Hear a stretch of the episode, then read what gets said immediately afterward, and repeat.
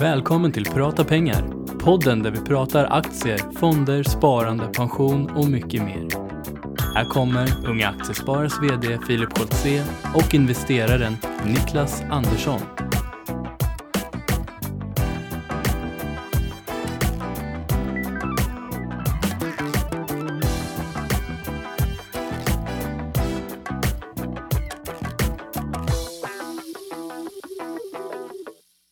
Säger vi god morgon och varmt välkommen till podden Prata pengar. God morgon Niklas. God morgon Filip. Du gäspar precis. Nej. Nej, det gjorde du inte. det är nog inte morgon för alla som lyssnar på det här just nu, men för oss är det tidig fredag morgon. Hur har din vecka varit? Jo men den har varit bra. Den har varit spännande som alltid. Mm. Eh, och vi var ju på ett litet event här tidigare i veckan. Verkligen. Nordnet Live. Nordnet Live. Så Ja. där var vi också på, på efterfesten sen och pratade med en massa härliga människor. gam- Dina gamla kollegor. Jajamensan. Så det vart en tidig kväll igår. Så att jag är utvilad. Härligt. Och framförallt så var ju Unga Aktiesparare på plats. Vi hade ju en, en monter där på Nordnet Live. Så vi fick ju möjlighet att träffa enormt många medlemmar och vi värvade också en hel del nya. Mm, och det är kul att se att det är många som känner igen podden och som faktiskt har lyssnat på den. Det är det. Eh, så det var, det var kul. Och sen hade vi en uppmaning i en tidigare podd där vi sa att vi skulle vilja, eller vi ville att poddlyssnarna skulle komma fram och ge oss en kram. Och jag fick tre kramar under den här dagen. Varav en var lite extra rolig, för då var det en pappa som kom med sin, med sin son. Eh, och så såg jag att de liksom rörde sig i periferin lite sådär. Så gick jag fram till slut och tänkte att här kan vi värva en, en, eh, en riktigt ung medlem. Och så sa, sa pappan till sin son där så att, "Nej, men gå fram och ge dem en, en kram då sådär. Då hade de lyssnat på podden eh, på, i, i bilen på vägen till Nordnet Live. Så han fick ju självklart en, en, en kram. Jätte, jättekul. Ja, så men, en extra hälsning till dig om du hör det här då. ja det tycker jag är en solskenshistoria. Den är lika roligt om inte, om inte roligare än den här lilla killen som kom på, på Cloetta-träffen. Just som det. var en 9-10 år och kom med sin attachéväska och skulle lyssna på Cloetta. Ja, Det är häftigt. Han kommer gå långt. Det ska börja i tid. Det ska det verkligen göra. Tid och avkastning. Tid och avkastning, Mm. det viktigaste. Två viktigaste faktorerna Mm. för ett framgångsrikt sparande. Jajamän. En annan som eh, också var på Nordnet Live och som vi träffade är dagens gäst. Elin Hellander, varmt välkommen till Prata pengar. Tack så mycket. Varsågod. Och jag tänkte att du skulle få introducera dig själv. Vem är Elin? Ja, men tack. Eh, Jag är kognitionsvetare. Vad innebär det? Eh, Det innebär att eh, man studerar hur eh, vi tänker, hur vi tänker, processar information och kommunicerar Mm. med varandra. Och jag eh, jobbar nu på startupföretaget Dreams Mm. som bygger nya spartjänster för unga och nu snart släpper en sparapp. Och eh, jobbar med ett eh, nytt initiativ som heter eh, Moneymind. Det låter ju spännande. Ja, Ja. Det är ett initiativ som jobbar för att öka unga människors förståelse för hur beteenden och ekonomi hänger ihop. Just det.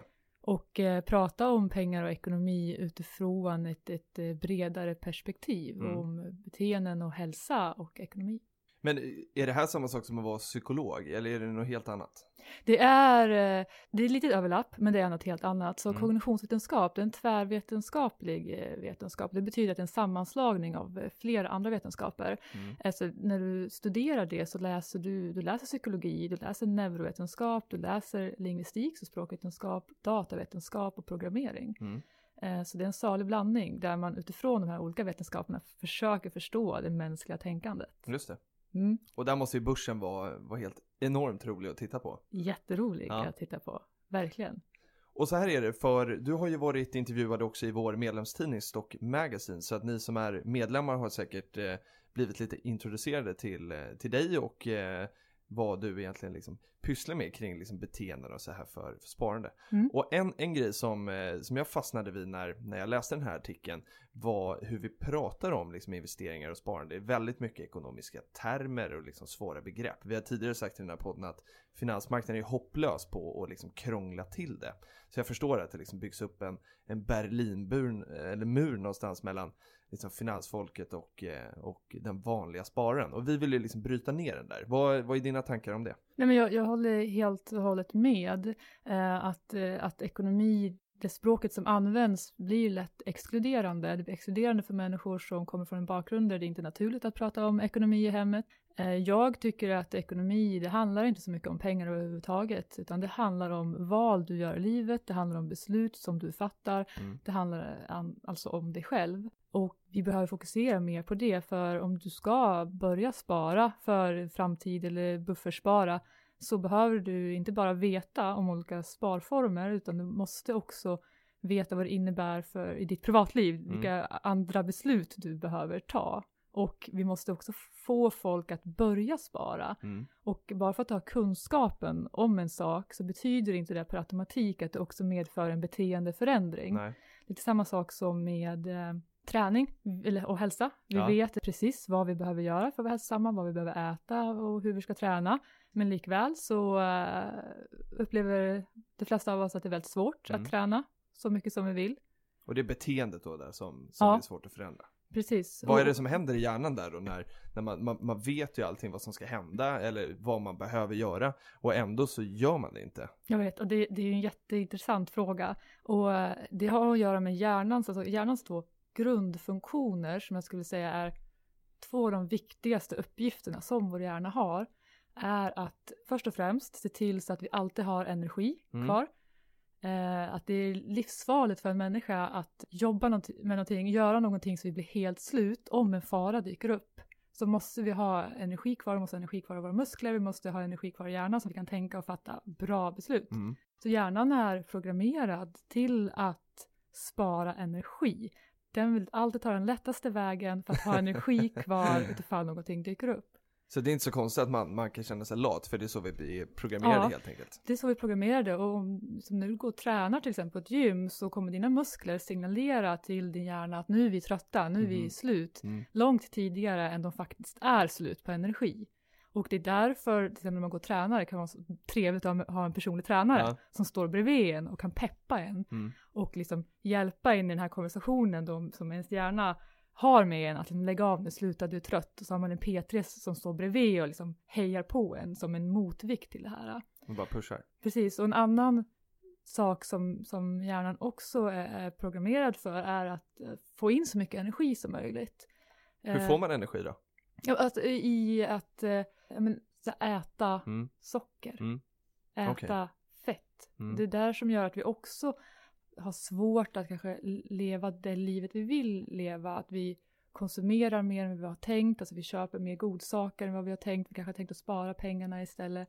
Jag tänker att det är två viktigaste sakerna vi behöver veta om hjärnan. Den är lat och den vill ha liksom kickar. Ja. Och eh, det är där vi har att kämpa mot Mm. när vi vill eh, spara pengar. Mm. Men då tänker jag så här, att med träning då, om det är dels är svårt att ändra beteende, men med träning så vet ju kanske då gemene man i alla fall vad det är man borde göra kring att liksom vad man, vad man ska äta och, och kanske hur man ska träna. Eh, med sparande så har vi ju inte riktigt det, för det märker ju vi när vi liksom pratar i den här podden och vilka frågor vi får in och nu har vi jobbat med det här ett tag att gemene man vet ju inte hur de ska spara och investera. Så har, betyder det att vi, det är ännu svårare att liksom komma igång och spara och investera än att komma igång med träningen? Eh, definitivt, det tror jag. När du inte vet var du ska börja så, och sen kanske börjar kolla på olika alternativ Mm. så kan det vara lätt att du drabbas av någonting som på engelska kallas det för choice overload. Mhm. Att det finns, du inser så gud vad mycket sparalternativ jag har att välja på här och jag vet inte var ska jag ens börja. Hur ska jag välja ut vad som är bäst för mig här? Och det blir för svårt att ta ett beslut och då istället för att ta ett beslut så väljer du att välja in, ingenting. Just det. Vad, vad säger du om det här Niklas? Vi har ju pratat om träning tidigare. Hur går det för dig? Nej, nu, nu, nu drar jag diskussionen åt ett annat håll. Ja, vi kör, vi- Den håller där sparar vi till ett annat samtal. Men beteende för, för investeringar har Ja. i alla fall. Ja, det får jag säga. Men, men jag sitter här och funderar lite grann på vad ni säger och, och jag drar en, jag tror inte vi har sagt det där tidigare, men just ekonomi eh, som vi pratar om här. Att ekonomi är ju hushållning med begränsade resurser och sen pengar som vi pratar om idag är ju egentligen bara en förlängning för att få ett samhälle att faktiskt fungera på ett smidigt sätt. Mm. För om jag vill ge dig en äppelpaj och du vill ge mig ett avgasrör och jag behöver inte avgasröret än så länge och du vill inte ha den där äppelpajen och imorgon så kommer den vara dålig. Då blir pengarna ett, ett bättre medel att använda. Men när jag lyssnar lite grann här så inser jag att hjärnan är ganska kapitalistisk. Mm. I och med att the more the merrier. Ja. Eh, och att träning då är ju lite grann som ekonomi fast i ett motsatsförhållande. när det kommer till pengar så vill man ju gärna investera och få sina placeringar att växa. Men när det kommer till ekonomi så brukar jag själv tänka, precis som du pratade om träningen där, att Mm. jag börjar med en slant pengar varje dag eller jag börjar med en slant kalorier varje dag och jag försöker se till att bränna ner dem till noll eller under noll så att jag hela tiden är en shopaholic när det kommer till kalorierna så att jag har tom pengpung varje dag. Mm. För det är då man kan, kan gå ihop och leva livet på det sätt man vill som du sa Elin. Mm. För det är ju det här att pengar gör ju att vi kan leva det- livet på det sätt vi vill, inte måste. Mm. Men här är det precis tvärtom. Mm. Avsaknaden av träning och det här gör ju att man kanske inte lever livet på det sätt man Nej. vill som, som du sa här nyss. Så att jag drar den reflektionen om att både träning och eh, ekonomi är väldigt lika varandra på så sätt men i ett inverterat förhållande, motsatsförhållande. Så att jag satt och skrattade lite för mig själv här i bakgrunden. Men också det, det är intressant att, att undersökningen visar att, att de flesta människor tycker att det är väldigt viktigt att spara pengar. Mm. Ändå så spar också de flesta inte så mycket som de vill spara. Nej. Och eh, det finns undersökningar som visar att folk mår dåligt av sin ekonomi. Mm. Vissa har till och med sömnstörningar på grund av sin ekonomi. Och trots detta så förmår vi oss ändå inte att ändra vårt beteende fast vi mår dåligt av situationen som den ser ut idag. Mm. Ja, där måste jag säga att återigen tycker jag att politikerna har ett ansvar här och att man då inte lyfter upp frågan att ekonomi är viktigt och inte kanske ser det som en självklar del av skolschemat gör att vi får inte med oss det här från grunden. Man, det fanns en reklam för tobak tidigare som sa att barn gör inte som du säger, barn gör som du Mm. gör. Och det är samma sak här, har vi inte fått med oss värderingarna och den förståelse för hur ekonomi faktiskt funkar. Mm. Då har vi en, en naturlig uppförsbacke. På samma sätt som att jag för ett, an, ett antal år sedan gick in på Mediamarkt och de var en jättestor tv där som kostade 488 kronor i månaden säger vi. Eh, Jag tror att den kostade runt 20 000 men när jag tog 488 kronor i månaden gånger x antal månader så vart det 40 000. Ja. och, och folk är såhär, man sticker huvudet i Ja. sanden och bryr sig inte och Nej. tänker, ja, okej men jag har råd med 488 kronor i månaden, vad bra vi vill ha en, en, stor tv. Det här är ju också sådana här psykologiska fällor, varför gör man det? Varför sticker man huvudet i sanden? Du kom in på tankefällor och det är faktiskt en av eh, liksom, dagens ämnen som vi ska djupdyka lite i. Vad, vad är tankefällor och hur påverkar det, hur påverkar det oss? Ja, alltså tan- tankefällor, det, det kommer från, eh, mycket från Daniel Kahnemans och Amos Tversky's eh, forskning inom beteendeekonomi och det, det, de kallar för heuristics. Mhm. Och eh, det betyder att eh, när vi tänker och tar in information och ska ta ett beslut så tar vi eh, ibland genvägar, att vi kan inte ta till oss all möjlig information och alltid ta ett optimalt beslut. Är det latheten igen då som? Ja, det är effektiviteten. Okej. Att, att eh, många beslut du tar, alltså du behöver ta dem kanske på stående fot, Mm. du kanske behöver ta dem samma dag eller samma vecka och vi kan inte jobba en månad med att samla information och väga den mot varandra för att komma till ett beslut om vad vi ska välja för produkt eller eh, vad vi ska handla. Nej. Och eh, så då har hjärnan eh, effektiviserat det här genom att ta ibland vissa genvägar. Och då har man sett att de här genvägarna gör att vi ibland tar beslut som inte är optimala. Alltså vi gör systematiska fel och det är det som är liksom framstående för eh, de här personernas forskning, Mm. Tversky och Kahneman. Det är att de insåg att det finns systematiska fel som nästan alla gör och det är en tankefälla. Vilka är de typiska liksom, systematiska felen som, som en sparare gör eller en investerare? Det finns, eh, det finns tråkigt nog väldigt många. Och eh, det finns eh, en som är ganska känd, det är loss aversion. Nu säger jag de engelska termerna, för Ja, vissa okej. passar inte att översätta till svenska. Nej. Men det är alltså rädslan för, Förlust, alltså att vi, Mm. vi drar oss för att ta förlust. Mm. Och man har sett att alltså en, en vinst på mm, tusen kronor skapar en, en viss mängd glädje, men en förlust på tusen kronor start, ger oss en större eh, vad ska man säga, sorg eller eh, ja. så det är netto, eh, eller vad ska man säga, nettoförlusten är, är liksom, väger hårdare. Ja, Mm. och det här ställer till oss när vi investerar. Jag själv eh, drabbats av den här ganska nyligen och suttit med ett par, alltså ett par aktier som Mm. har gått ner i värde. Jag vill sälja av dem och jag sitter och väntar på att de ska stiga lite Mm. till för jag vill gärna inte ta en förlust eller inte så stor förlust. Eh, så jag har suttit och väntat på den här ökningen. Den har inte skett. Nej. Och det jag egentligen borde ha gjort är ju att sälja av de här tidigare och sen ta de pengar som jag hade ändå kvar Mm. och investera i någonting bättre. Just det. Och det hade varit mer värt än att sitta och vänta på en liten, liten uppgång Mm. för att ta en mindre förlust. Just det. Man sticker lite grann huvudet i sanden Ja. där. Mm. Det är samma, samma sak. Ja, men, men precis. Och, och det är väl ganska många som sitter i den situationen nu när börsen eh, går enorm kräftgång. Hur tänker du här Niklas när, när du ser röda siffror i portföljen? Ja, när jag ser röda siffror i portföljen, det är klart, det är ju inte roligt, men jag ser det som en möjlighet och jag vet som vi har pratat om tidigare, jag har ju en, en, en Chinese wall som man brukar säga, alltså en vattensäker vägg mellan min egen ekonomi och portföljens ekonomi. Eh, Och portföljen driver jag egentligen som ett, som ett bolag. Det är portföljens pengar kontra mina pengar och det gör att Tror jag, nu har jag blivit lovad här att få en psykoanalytisk analys av min portfölj. Men jag tror och hoppas att det är så att jag driver portföljen mer känslokallt och mer strukturerat än att influeras av känslor. Även fast vi är de här huvudlösa investerarna som låter känslor spela in i vårt val av aktier långsiktigt. Men just när det kommer till det dagligdagsa och hur börsen påverkar mig som person så tror inte jag att det påverkar mig lika mycket som, eh, som det gjorde när man började.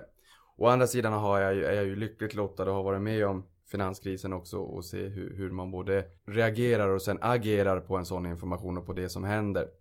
Men för att svara på frågan så tror jag att när börsen går ner så ser jag till att köpa på mig mera i de bolagen som jag gillar. För man får någonstans där också för, försöka inse att det är skillnad på bolagen och på marknadsplatsen. Mm. Ehm, det är som om man går till Hötorget. Ibland kan alla vilja köpa bananer och då kanske de går upp i pris.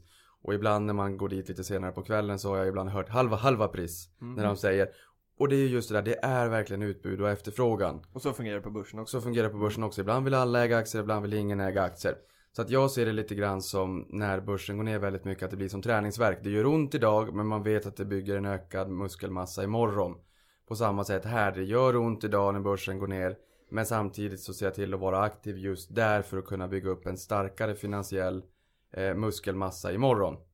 Ehm, så att försöka vara lite motvalls när det, när det är läge att vara motvalls. Det är inte bara vara motvalls för sakens skull. Men snarare sitta ner och, in, och, och tänka efter och reflektera en stund. Vad är det som händer? Mm. Är det här någonting som händer för att det ser väldigt negativt där ute, ut där ute eller är det för att alla vill ut just nu och ingen vill äga aktier? Ja, då kan jag ju faktiskt passa på att, att köpa på mig mer. Just det. Just som det här gamla citatet, var girig när alla andra är rädda Ja. och var rädd när alla andra är giriga som Ja. Warren Buffett har sagt. Och det ligger ju lite psykologi i det, jag tänkte på det på Väldigt vägen mycket hit. psykologi. Mm. Och även en sak som jag vill fråga dig Elin. Det är just det här med, med löpet. Med löpsedlarnas effekt på investerarna. När man matas av information att börsen är dålig, blodröda rubriker, det är krasch, familjer som har förlorat allt och hur Mm. det påverkar. Ehm, för det måste ju ha en enorm påverkan på gemene man. Mm. Ja, men det, det tror jag.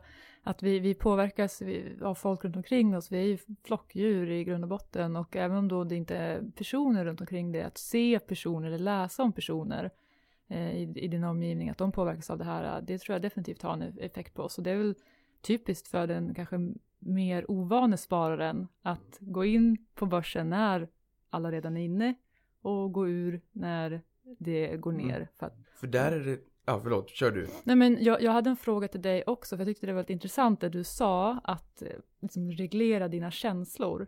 Och eh, jag tänker att det är det som är definitionen på en erfaren investerare, att veta när ska jag lyssna på mina känslor och när ska jag ignorera dem? För Mm. jag tror att det var eran podd som ni sa någonting väldigt, väldigt bra, alltså köp när det gör som ondast. Mm. Ja. Det är Åh vad, åh, vad Det är stolt jag ja. blir. Ja, det, det var himla bra sagt. Och där handlar det om att verkligen gå emot dina känslor. Mm. Och ibland så ska vi lyssna på dem och de är väldigt viktiga för oss. Mm. Och, och det är ju väldigt svårt att veta. När ska jag lita på dem och när ska jag inte lita på dem? Men, och det där tycker jag är intressant då, när, när man ska lyssna på känslorna och, och inte. För att i, vi pratade, vi har också pratat om den huvudlösa strategin och, eh, och huvudstrategin. Och jag och Niklas har kommit fram till att vi är de huvudlösa. Så vi följer liksom magkänsla, mer, mer hjärta och mage än hjärna när vi väljer vilka bolag vi vill investera i. Mm. Det låter som att det skulle kunna komma in två herrar med vita rockar när du säger att vi har huvudlösa strategier. Ja. Men fortsätt. Ja, nej men och, och, och det här är ju också en grej som du har lyft och som vi inledde podden lite med också att, att det är lite för mycket ekonomiska termer och liksom svåra begrepp som, som gör att man kanske liksom håller sig ute medan jag och Niklas tycker att det är mycket roligare att investera i ett bolag som, som, som vi förstår, vi har sett ett, liksom, en vd står på scen på ett, eh, något event någonstans som, där vi har varit och vi tycker den här personen verkar vettig, vi förstår produkten och så vidare och så vidare. Snarare än att kolla på, liksom, på siffrorna. Mm. Eh, och hur, hur ska man tänka där egentligen? Och, eller, och hur ska vi göra för att, för att liksom prata på ett enklare sätt? Till, till den första frågan så, så tror jag att det är en bra strategi. Eh, det är också någonting som jag hör ganska ofta, att man ska vara logisk Mm. och eh, inte låta känslorna styra. Men vi kan inte ta ett beslut utan känslor och vi har känslor hela tiden. Det finns ingen tid på dygnet eller i någon situation överhuvudtaget där du inte har känslor. Nej. De finns ju som luft finns runt omkring oss hela tiden. Så att då också uppmärksamma dem och, och eh, liksom lära sig av dem är väldigt bra. Eh, och de behövs för att också komma till skott att faktiskt ta ett beslut och inte stå och vela fram och tillbaka hela tiden. Ska jag göra det här eller ska jag välja det där? Mm. Utan komma till skott och agera. Men det får mig också att tänka på det du sa, Ja. en tankefälla. Mm. Och det är någonting som heter confirmation bias. Mm. Vad Så- betyder det på svenska? vad betyder det? Att du eh, söker, alltså information som redan stödjer det beslut du Mm. lutar mot Mm. blir att betyda mer och få större vikt Okej. än information som motsäger Mhm. eh, din åsikt eller det beslut du har tänkt att ta. Och, och det, den är viktig om man tar den här strategin att till gå och besöka bolagsstämmor, gå Mm. och, liksom, liksom, och lära känna företaget, vad får för känsla av Mm. den här vdn och vad hon eller han säger. Eh, för att du kan ju också drabbas av confirmation bias, att du gillar ett företag, du, du besöker dem, eh, du får information som både styrker ditt beslut men kanske också motsäger ditt Mm. beslut och då är det lätt hänt att eh, du lägger mer vikt vid att eh, den information som styrker ditt beslut och förbiser den andra informationen. Jag ska ärligt säga att jag, jag är nog där ganska ofta. men- För att det är också ganska skönt, tycker jag. Mm. Alltså, jag, jag kan känna att man får ett lugn i det, att man, man, man har en tanke om någonting, att det här tror jag kanske att jag kommer gilla. Så kommer man dit och så, så hittar man de här liksom, tecknen eller signalerna på att nej, men jag hade faktiskt rätt här. Och sen kan, sen kan det alltid komma folk till mig och säga så här, men det här och det här då. Så inser jag att det där har jag faktiskt förbisett. Ehm, så det, det, det ligger nog någonting i det där. Ja, och den är jättevanlig och Mm. det är någonting som vi, vi alla drabbas av då Mm. och då. Ja, men jag skulle säga confirmation bias där också. Jag förstår att det existerar. För med, nu kommer inte jag ihåg siffran direkt, men jag har sett något sånt där exempel att 90% av den informationen som finns på internet idag kommer att, alltså, av då 100% idag så kommer det komma 90% av det kommer vara ny information inom ett år. Så att det är en lavin av information där Mm. ute och vi lever ju i ett informationssamhälle där det är viktigt att kunna, kunna begränsa och kunna filtrera den informationen som man möts av. Och det gör man förmodligen rätt bra ändå, gärna filtrera ganska mycket. Tänk själv om du sitter hemma där i soffan och funderar på finns det något konst på väggarna på ditt jobb och i sådana fall vad är det för konst och vad, vad är det för tavlor? Eh, kan du inte säga det, kommer du inte på det rakt upp och ner, ja då har du gärna förmodligen filtrerat det. Ja. Men, men det är ju samma sak som i ekonomisk litteratur och, och i universitetsvärlden så att säga när man pratar om confirmation bias som du pratar med om man köpt en bil. Så vi, tittar man ju på annonser hur mycket som helst, mer efter att man har köpt bilen än innan man köpte bilen bara för att bekräfta Visst var det nu ett bra köp, det var väl ett bra köp? Så det är ju med Hemnet också när man har köpt lägenhet tycker jag. Ja, oh ja, och det är ju förmodligen den största investeringen som många gör. Jag Ja. menar, det är ju klart, folk vill ju verkligen veta, har jag gjort rätt Ja. investering? Nu har vill jag jag ställa en fråga, är det samma sak om du dejtar någon och sen liksom hittar en partner? Oj, det går, där du, var en farlig fråga.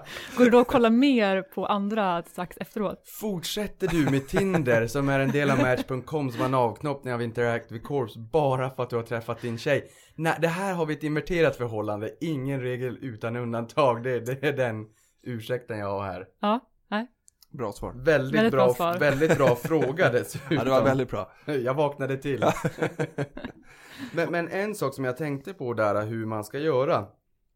Eh, just med att kapa känslor. Och där har jag varit inne på tidigare. Min portfölj, så som jag driver den. Så blir det min egen ekonomi, jag vill ha pengar på sparkontot, jag vill kunna ha dem ifall jag vill göra, jag eller vi eh, i familjen vill göra något roligt.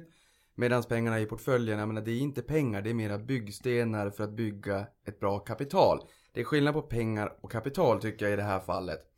Och för att inte om börsen går ner och tänka tusan också, det hade kunnat vara en resa eller det hade kunnat vara en ny skoter eller Ja, här nere kanske man inte kör skoter i Stockholm där vi sitter med en, en sparkcykel eller vad ni använder. Nej, för att, Segway. segway, Nej, för, att, skojar. för att inte tycka att det är jobbigt så ska man ha den där psykologiska eh, filtreringen, psykologiska, vad ska man säga för ord?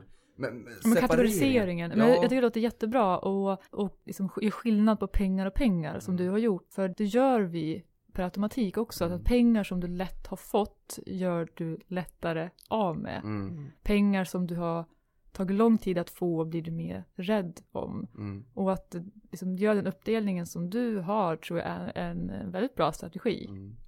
Ja, för det som jag har läst om tidigare också att det är skillnad på att, att vara fattig och vara pank. Eh, och vad vi menar med det är att om man då skulle vinna 5 miljoner kronor imorgon så är det inte säkert att man har kvar 5 miljoner i övermorgon eller får dem att växa utan man kanske har, har satt sprätt på dem på, på någon rolighet och sen är de borta. Och en bok som jag gillar väldigt mycket är Rich Dad Poor Dad som pratar mycket om hur man ska tänka. In, Mm. Den boken nämner egentligen ingenting om hur man ska placera utan snarare hur man tänker. Just. Och det, det är en jättekänd bok och Robert T. Kiyosaki som har skrivit den här har även skrivit en del böcker med Donald Trump. Som därefter har visat sig inte riktigt överensstämma med mina värderingar. Men just Robert T. Kiyosakis Rich Dad Poor Dad är en av de bästa böckerna jag någonsin har läst. Och mycket psykologi där. Jag, jag har också läst den och eh, gillade den. Den känns väldigt amerikansk. Mm. Men, jag, men jag gillade den ändå. Det som jag tyckte var intressant där var också hur beteenden smittar. Mm. Alltså han, den här boken handlar då om en, en kille som växer upp. Han eh, kallar att han växer upp med två pappor. Eh, en är hans biologiska far och en, den andra är vad man säga, en mentor Mm. i Hans hans kompis pappa en mentor. Precis, och hans egna biologiska far är väldigt dålig på ekonomi och den andra är väldigt bra på ekonomi.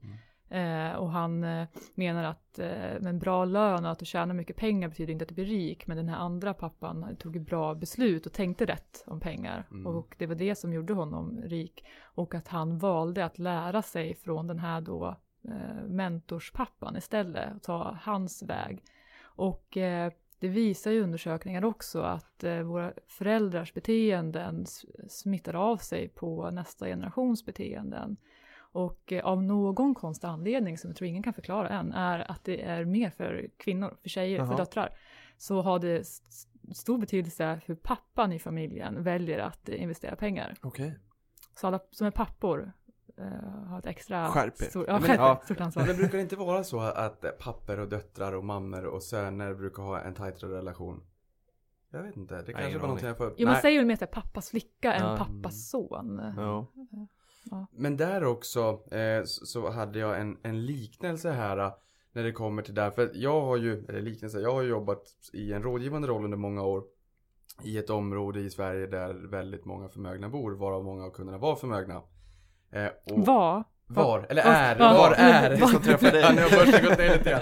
Nej, men, men för gemene man väldigt mycket pengar. Och det jag reflekterar över där är att ju mer pengar du tjänar.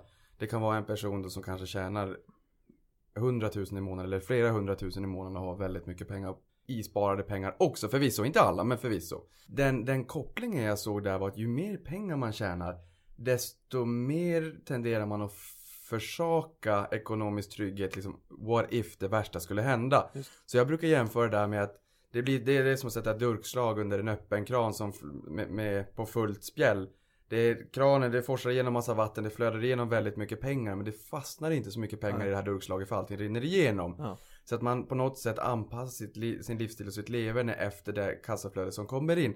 Men jag menar, det kan ju faktiskt hända saker och ting. Bolaget kan gå i putten eller det kan komma en kris som gör att man entledigas eller vad som än händer. Eller att man blir påkörd på ett övergångsställe eller vad det än är. Mm. Och att den ekonomiska situationen som man lever i här och nu helt vänder rakt upp och ner och gör att det ser på ett helt annat sätt ut. Men, men, men jag vill mena på att de som inte är van med lika mycket pengar tenderar att kanske ta lite klokare be, beslut och mer rationella överlag. Än de som är matade med pengar och inte behöver fundera på det, inte behöver se det som ett problem idag. De tror jag mer kanske tänker att pengarna alltid kommer in på något sätt. Och inte lika beredda Nej. för om det värsta skulle hända. Det, det är min reflektion. Ja, men de känner en större trygghet. Ja. Eh, som, som kan ibland kanske vara en sann trygghet, men ibland en falsk trygghet som du säger, att vad som helst kan hända. Mm. Ja, nu kastar jag sten i glashus kanske, men jag skulle vilja påminna att de är sämre investerare, rent rationellt, än en person som måste sätta sig ner och klura och fundera och som har lite mera hunger Ja, men jag tror, jag tror att, att, att en, en viss typ av stress eller en oro eh, kan ju också leda till kreativitet eh, och ge energi. Att du faktiskt tar tag i det och eh, vill skapa dig själv bättre förutsättningar. Mm. Ja för det är de de sa, jag har läst någon annan artikel någonstans där det sa att en lön upp till 40-45 tusen i månaden sen avtar nyttan per extra. Lönekrona. Ja, och glädjen. Ja. Så, men, men vad... Kan det vara samma sak med, med portföljen och med sparandet? Om du har uppnått en viss nivå så känner du att det inte blir lika viktigt för att du som individ känner att du har en ekonomiskt tryggad framtid och inte behöver vara lika rationell i ditt framtida investerande som en person som är i början av sin karriär och är väldigt hungrig och vill lyckas bygga upp en långsiktig portfölj. Kan det finnas någon relation där? Ja, men en bra fråga. Jag, jag pratade med en, en eh, analytiker, rådgivare som jobbar med private banking. Det, det, de, det han såg är att de som har, ju mer pengar du har att investera, ju mindre riskbenägen Mm. blir Mhm. du. För att har du en, en stor förmögenhet så är du också inte lika ja, men riskvillig för att få de här extra Nej. tusenlapparna eller Nej. extra miljonerna. Medan för någon som har mindre pengar så är det mer viktigt bygga upp. eh, att bygga upp det. Mm. Ja. Ja, och tittar vi historiskt så har det ju varit så också att, att eh, minimera riskerna har ju varit en, en lönsam strategi snarare än att Ta för höga. ta alldeles för Mm. höga risker.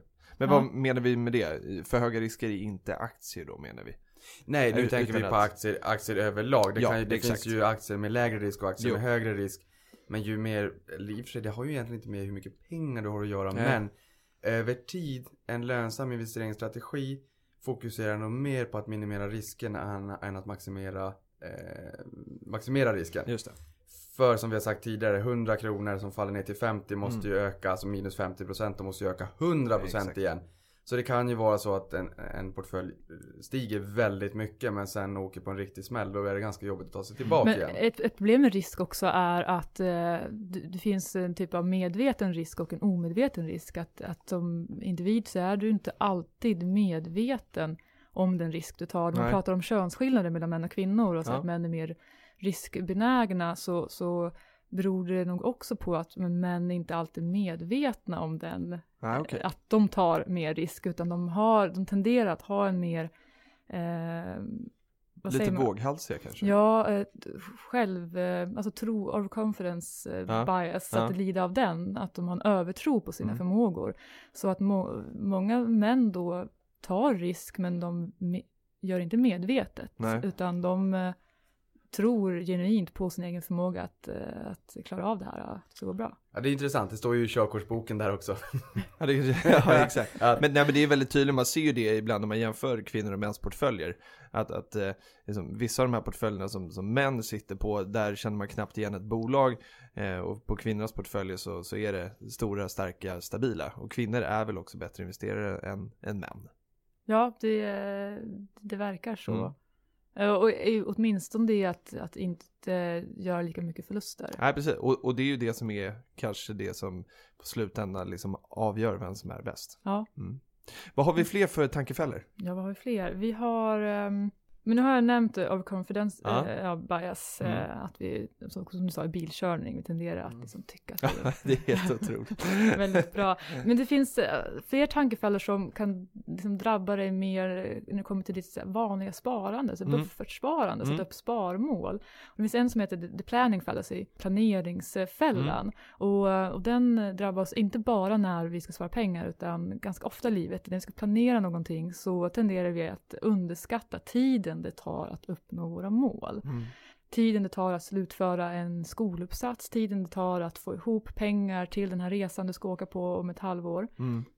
Och eh, det, det intressanta med, med den här tankefällan är att den drabbar oss även för saker som vi har gjort tidigare. Så låt oss säga att jag ska spara ihop 10 000 till en semesterkassa. Mm. Jag klarar inte på så många månader som jag hade tänkt. Sen nästa år står jag för samma utmaning igen. Mm.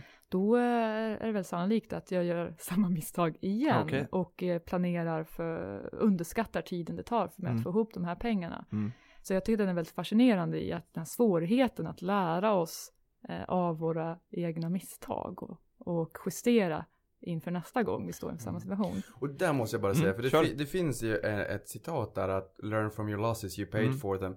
Och, och det här är ganska intressant att om man nu gör misstag istället för att sticka huvudet i sanden, att sätta sig ner och reflektera och säga vad gjorde jag fel och vad kan jag göra bättre? Mm. För att då har man ju faktiskt lärt sig, man har ju fått en valuta för den förlusten. Det är ju likadant som om man köper en, en plopp. Den käkar du upp på fredagen, sen är den borta. Men den skänkte ju någon form av glädje och nöje. Mm. Och en, en, eh, ett misstag som man gör, om man reflekterar och lär sig någonting av det, men då har man ju faktiskt fått ut lite valuta istället för bara Absolut. låta det vara en förlust som Mm. inte bidrog med någonting. Nej. Och sen gör om samma misstag igen. Mm. Mm. Ja, men en jättebra eh, tanke och tips att, som du sa, att faktiskt sätta sig ner och eh, reflektera. Vad hände? Hur tänkte jag sist? Vad la jag för tidsplan? Eh, hur mycket drog jag över med? Och sen lägga ny plan. Och jag tänkte lite grann på det där du sa också hur man ska bete sig. Och jag tänker dela med mig till våra lyssnare av ett myggspray mot känslor har jag tänkt. Oj, oj, oj. Nej, skämt åsido. När börsen tenderar att, att vara väldigt volatil, det märker jag själv också, att jag har min strategi ganska tråkigt. Folk brukar säga, vad gör du nu när det skakar till? Ja, jag gör som jag gjorde igår och som jag alltid brukar göra.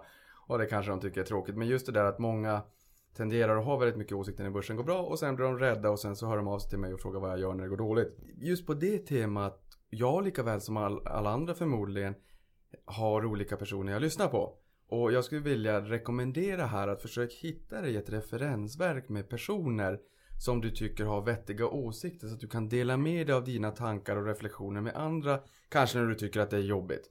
Och har du ingen du känner i närhet här och nu så skulle jag kunna tipsa om boken Världens 99 bästa investerare. Just det. För där får man ju någon, jag jag vet inte om det är så att, jag har inte läst igenom hela själv. Men jag kan ändå tycka att det är ganska vettigt att, att läsa om olika investerare och hur de har lyckats. För det är ju på väldigt olika sätt. Mm. Och få en känsla för hur, hur de har agerat så att Mm. säga.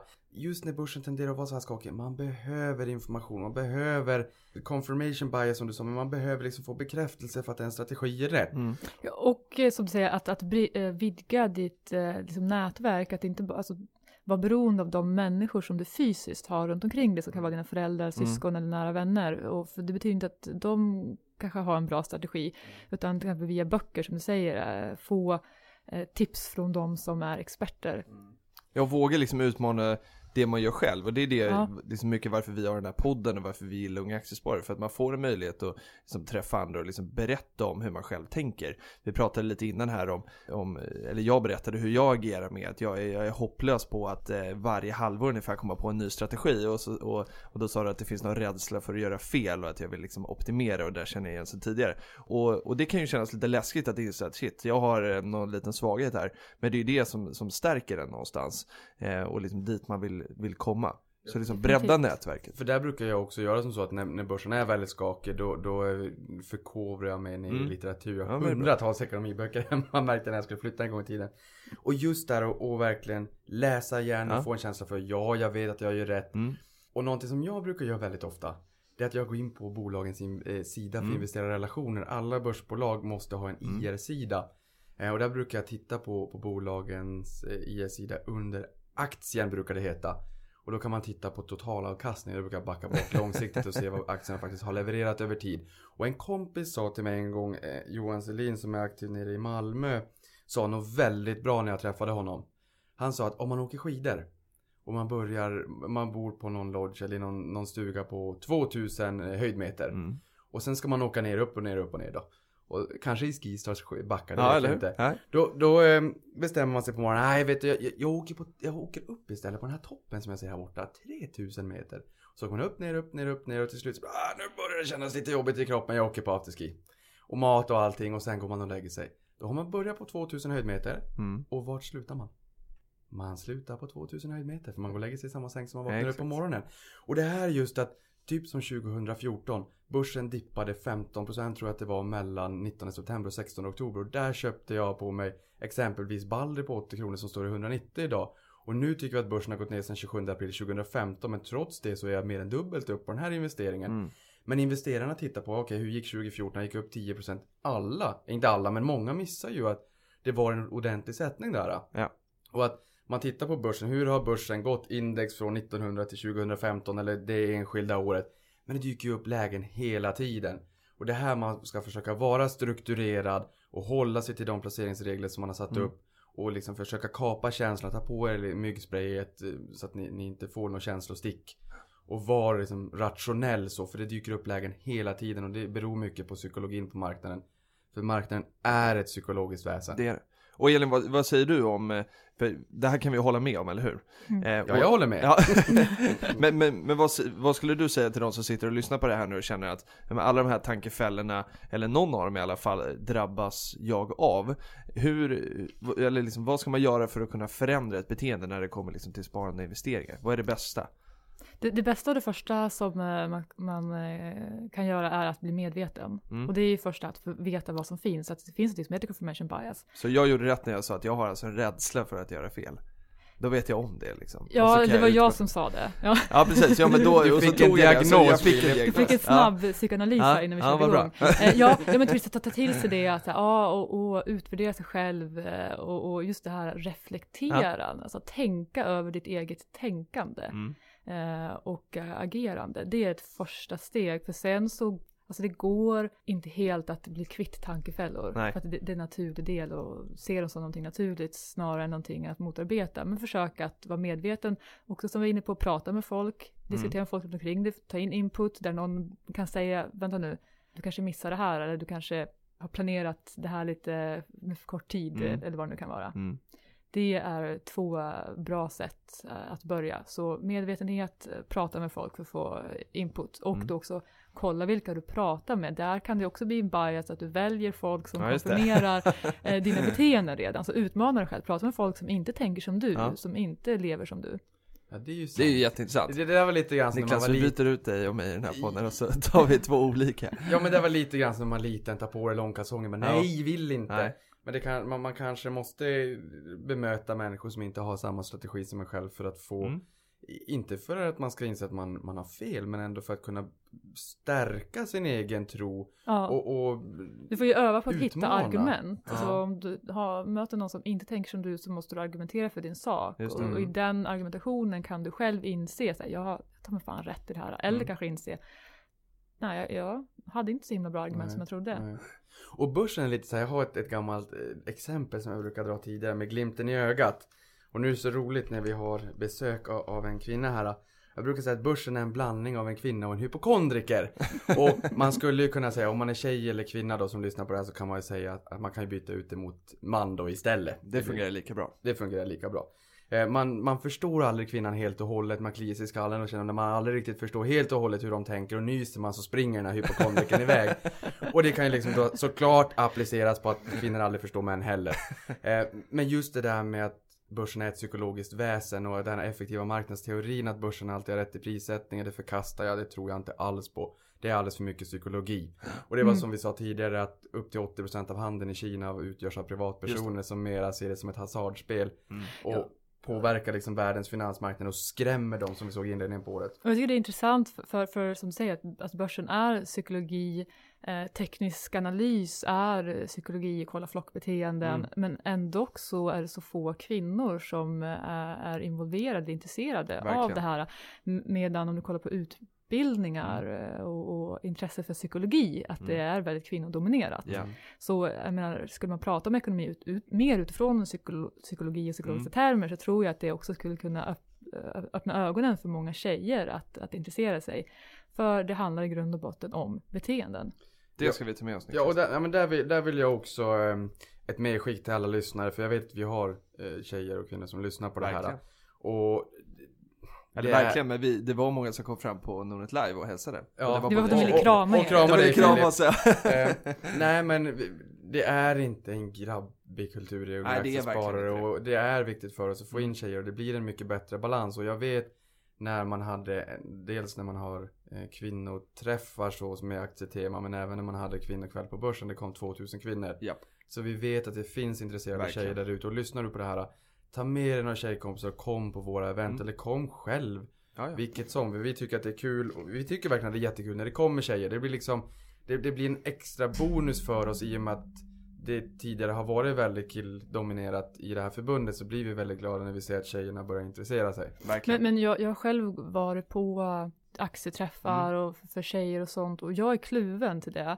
ja, det, det det, visar ju sig att, att uppenbarligen så, så kommer det fler kvinnor Ja. än vad som kanske kommer att vara blandad eh, träff. Men, men den attraherar ju inte alla eh, typer av tjejer. Och det som jag kan eh, men irritera mig lite på är de råd och tips som man får. Jag tycker Mm. att ibland kan bli en daltande Aha. attityd. Mm. Som i att men, köp saker och aktier du förstår dig på och känner till. Och det är jättebra tips. Eh, skaffa dig en mentor, någon du kan rådfråga. Också ett jättebra tips. Men jag tror inte det är det där kvinnor behöver. Nej. Jag tror att vi behöver höra liksom så här, men kör på. Bara ge dig in, testa. Tro på det köp, du gör och... Ja men köp Ja. en aktie, du kanske har lite halvkoll men testa ändå, Ja. våga misslyckas. För det är Ja. okej att du sätter sprätt på lite pengar, det gick åt helvete. Mm. För det är det som i längden ger dig erfarenhet Mm. eh, och gör att du lär dig någonting. Mm. För också någonting som är typiskt eh, kvinnligt och generellt är ju det här att, att kanske konstant känna att jag vet inte tillräckligt, jag har Nej. inte tillräckligt med kunskap och det är för kvinnor. Men inom utbildningen presterar så bra, Mm. liksom Mm. konstant Mm. oro att inte va, veta tillräckligt mycket. Mm. Eh, så att inte befästa den he- hela tiden, att köpa det du känner till. För jag tror många kvinnor kommer eh, kunna känna att "Ja, men jag, jag har aldrig tillräckligt med kunskap för att faktiskt gå in och investera. Det är mer så. här, Mm. kör på och också så här, nej men ha inte en mentor, bara lär dig att Mm. stå på egna ben och bara kör på och kanske misslyckas och stå Mm. för det och gå vidare. Att inte ha någon bredvid hela tiden som ska hålla handen. Det rådet skulle jag vilja ge till kvinnor. Ja, för, där är väl liksom att, att bli duktig på placeringar handlar om att misslyckas väldigt mycket och lära sig av det och bli starkare, bli ränta på ränta effekt eh, kunskapsmässigt. Men just det här med daltandet och varför jag också är lite kluven till de här tjejträffarna. Jag tycker att det är en bra bro och överbryggning för att de ska ta sig in i, i, den här sfären, i den här världen. Mm. Men, men det ska inte behövas, de ska vara lika välkomna och li, ta lika stor plats som killarna. Verkligen. För att de finns ju där men, men jag tycker att visst i och med att vi har svårare att attrahera dem till, till vanliga event så det är bra med tjejkvällar på så sätt men jag ser ju framför mig en, en, en värld framgent going forward där, där tjejerna tar minst lika mycket plats och, och, och kommer på alla Mm. träffar. Mm. Ehm, och just det här med, med makro, eller makro men med hur börsen är känslostyrd. Gå till dig själv och där hemma om du sitter i soffan och och börsen har varit väldigt skakig och du har haft den här lite naggande oron i magen. Multiplicera det med, med 7 miljarder människor så har du någonstans hela världens befolkning och börsen är psykologiskt Mm. är ett psykologiskt väsen som jag har sagt, sagt nu några gånger och det är bara en, en- förstoring av din egen känsla fast ett väldigt stort format. Verkligen. Ehm, Och det kan vara både på upp och nersidan såklart. Ja, ja absolut. Och börsen, det, det kanske man ska ha med sig också. Börsen brukar överdriva både uppåt och Ja. neråt. Och det är därför vi får lite stora svängningar över tid. Nu vet jag att vi snart börjar få slut om Ja. tid. Men jag har ett sånt här exempel som jag brukar dra. Har dragit i många år som jag gärna vill få en, en liten analys på. Eh, Just när jag förklarar investeringar så brukar jag säga att om man sitter i en föreläsningssal eh, och lyssnar på, på en föreläsning och sen så går ett alarm. Det låter väldigt högt och man har ingen aning om vad det här larmet är för någonting och alla springer till vänster. Springer, då brukar jag fråga folk, springer du då till höger? Skulle du kunna tänka dig att springa till höger? För det är kanske lite det man ska göra på, på marknaden. Eh, och i- se bort från det här kortsiktiga och vara mer långsiktig och blicka mot horisonten.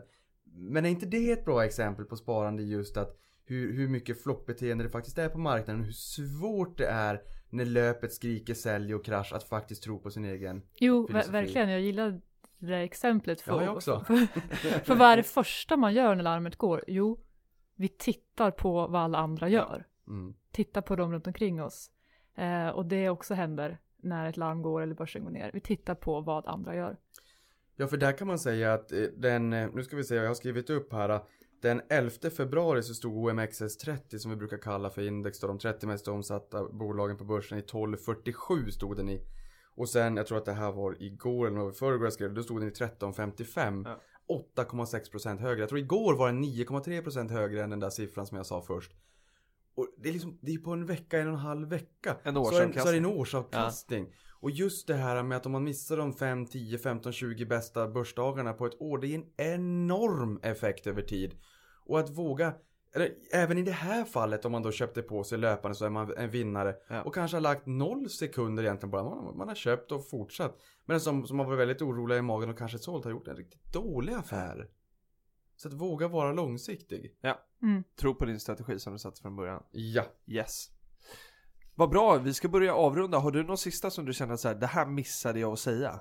Nej, Nej. eller det, det, jag ska kunna hålla på i en timme Ja. till. Vi kan, Nej, vi, det- vi kan köra ett till avsnitt lite längre fram sen. Ja, så kan vi vi fortsätta göra. grotta i det här. Ja. då har ju börsen hunnit utvecklas lite grann så Ja, kan vi ju precis. ta med den börsutvecklingen också och, Ja, återkoppla till det här Ja, verkligen. avsnittet.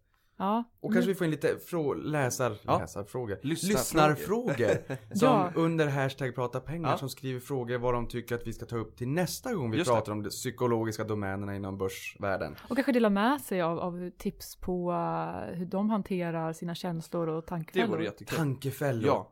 Och jag, Skriv det jag ska vara prata pengar. jag ska skriva mina, nej jag gör ju inga tankefällor.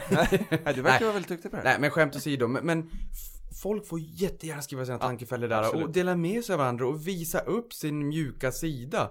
Att man faktiskt har gått på tankefällor och kanske kan inspirera nya människor som vill börja spara och se att även de som har varit med längre faktiskt gör tankefällor och Definitivt. tycker att det är helt okej. Ja, Självklart. det jag ser det som en naturlig del av, av hjärnan. Och lärandeprocessen. också. Ja, men Mm. precis. Och, och vi använder en hashtag som heter prata pengar. Där finns både Niklas under investeraren och jag under Filip Scholtze. Finns du på Twitter? Ja, jag finns under Elin Helander och sen så har jag också startat en Twitterkonto för Moneymind. Det heter Moneymind Tweet. En tweet. Så man kan följa båda. Men sen bloggar du också? Ja, Ja. Och var hittar man din blogg? man hittar min blogg på, nu ligger den på eh, www.getdreams.com. Ja, och jag har tidigare bloggat på Nordnet-bloggen. just så det. där Där finns, finns det det också. jätteintressanta Ja, inlägg. järnkoll på ett sparande. Eh, så där kan man gå in och läsa. Då kör vi det som ett medskick till, till nästa gång och så försöker vi få in ännu mer frågor så, och vi återkopplar ju på Twitter. Eh, då kan du också kolla vårt flöde, hashtag prata pengar Jag eh, och svara om det kommer in eh, några tankar och funderingar. Eh, och så önskar vi en, ja, eller jag önskar er en trevlig helg och eh, för er som lyssnar på det önskar jag en trevlig start på, på veckan.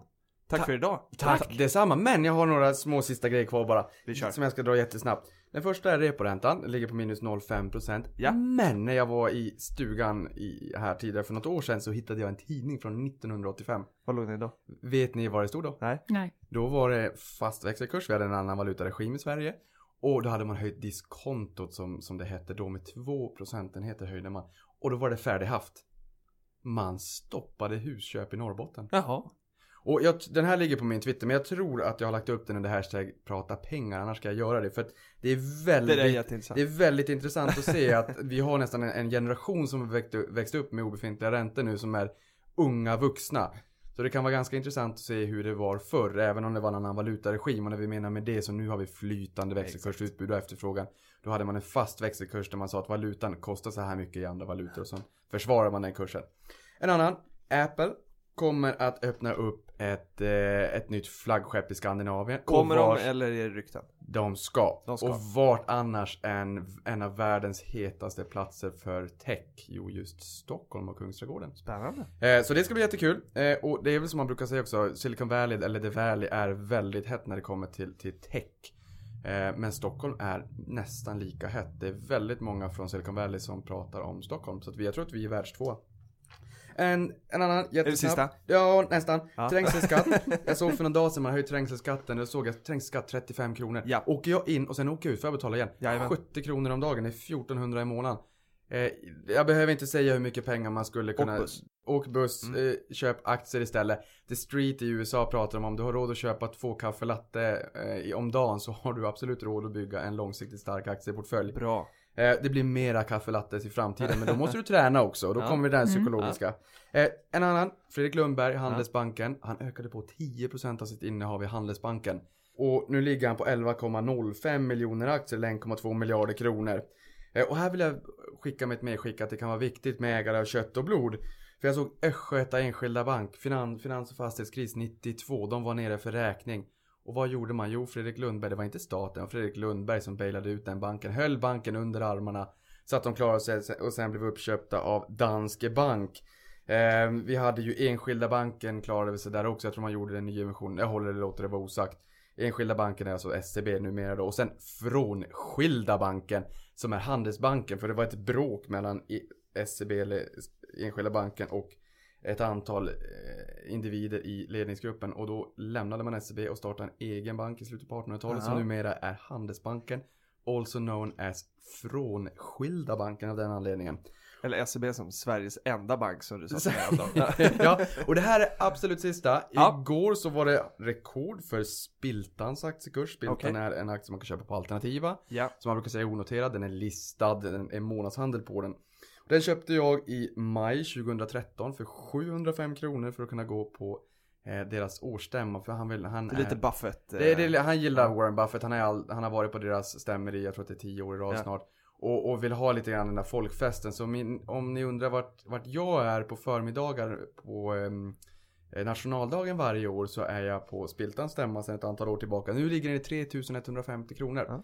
Från 705 så det är 64,7% om året. Så det, Bra det jobbat. tackar vi för. Det har varit väldigt bra jobbat. Så det var det absolut sista jag hade förutom att Amazon har ökat sitt kassaflöde. Ja. till 276% på ett år. Det är helt makalöst. Det är fantastiskt också. Ja. Det var det sista. Tack Jättetack Niklas. Nej, och, jag har ja, en, jag har okej, en sista. Det här är jättebra. Ja. Igår så, så skapade jag en YouTube-lista. Ja. Världens bästa YouTube-lista. Jag har skapat en lista där jag kommer att lägga in olika videos från olika bolag runt om i världen. Mitt mål hade varit att ha tusen filmer där, det hade varit häftigt. Och det som är, det är två till tre till fyra minuters videoklipp om bolagen där de presenterar bolaget. Om ni någon gång har varit inne på IS-sidan och, fått- och sett en video så Jajamän. brukar de kunna göra det väldigt intressant Ja. och man tycker att wow. Och det kan ju vara en ingång till att titta vidare på bolaget. Så här försöker jag hitta bolag runt om i världen. Sverige, Norge, Danmark, Finland, USA Världen. främst. Men sen hela världen. Ja. Gå in och titta och i kommentarsfältet, för att klippen kan heta lite olika. Men i kommentarsfältet har jag skrivit Atlas Copco, Kinnevik och Boeing och Starbucks. Så man vet vilket bolag det är. In och titta och jag lovar det kommer väldigt intressanta filmer om bolaget. Och kanske det är till och med så att du hittar ett bolag som du inte visste fanns. Det var mitt sista. Det är alltid lika roligt Niklas. Tack så jättemycket och Tack extra själv. stort tack till dig Elin. Tack, Tack Elin. mycket. Och till vår klippa Patrik. Ha det gott nu. Ha det gott. Hej. bra. Hej.